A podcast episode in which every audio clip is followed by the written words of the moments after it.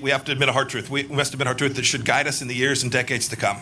That if we want to have a free 21st century and not the Chinese century of which Xi Jinping dreams, the old paradigm of blind engagement with China simply won't get it done. Itulah petikan pidato Menteri Luar Negeri Amerika Mike Pompeo yang disampaikannya di Nixon Library di Loma Linda, California 23 Juli lalu. Dalam kesempatan itu, dengan tegas Pompeo menyoroti adanya kenyataan yang tidak menggembirakan dalam beberapa tahun mendatang.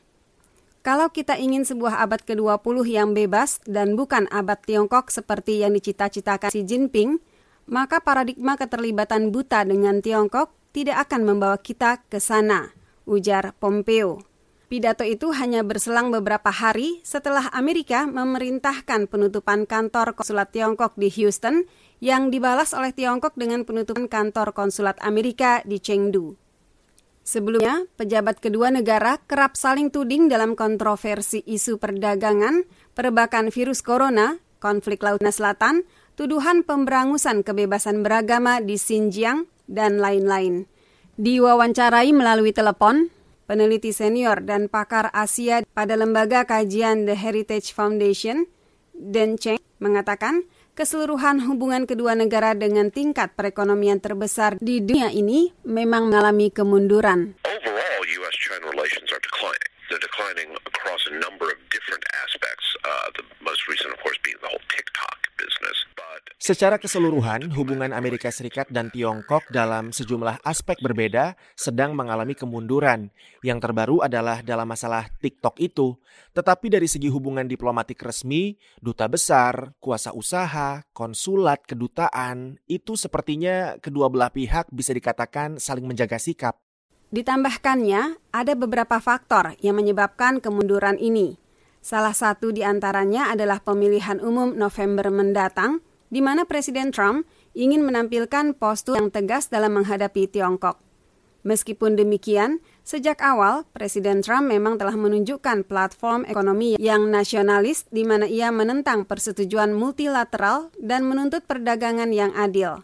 Ditambah lagi, ujar Deng Cheng, perilaku Tiongkok memang buruk China itself has been engaging in bad behavior. Lack is famous. Chinese subsidies distort price of Chinese goods.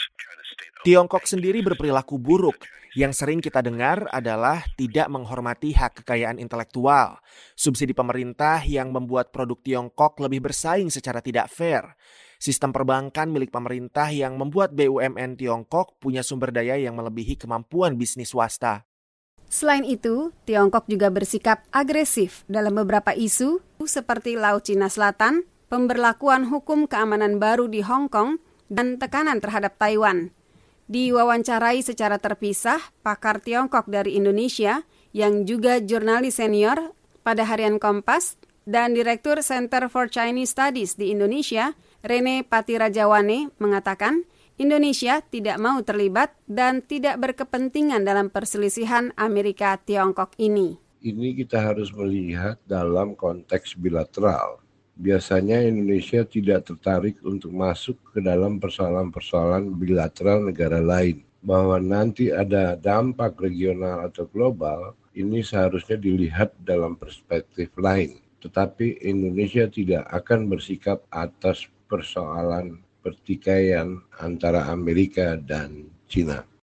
Dan Cheng menilai arah hubungan Amerika-Tiongkok ke depan baru terlihat lebih jelas setelah pemilihan Presiden 3 November nanti. Menurut Cheng, jika Presiden Trump kembali terpilih, maka pendekatan garis keras terhadap Tiongkok akan berlanjut. Sedangkan kalau Partai Demokrat yang meraih kembali Gedung Putih, Joe Biden sudah mengatakan dia akan bersikap tegas terhadap Tiongkok. Namun, kalau dilihat dari rekam jejaknya semasa menjabat sebagai wakil presiden, mungkin Joe Biden akan lebih bersahabat dengan Tiongkok.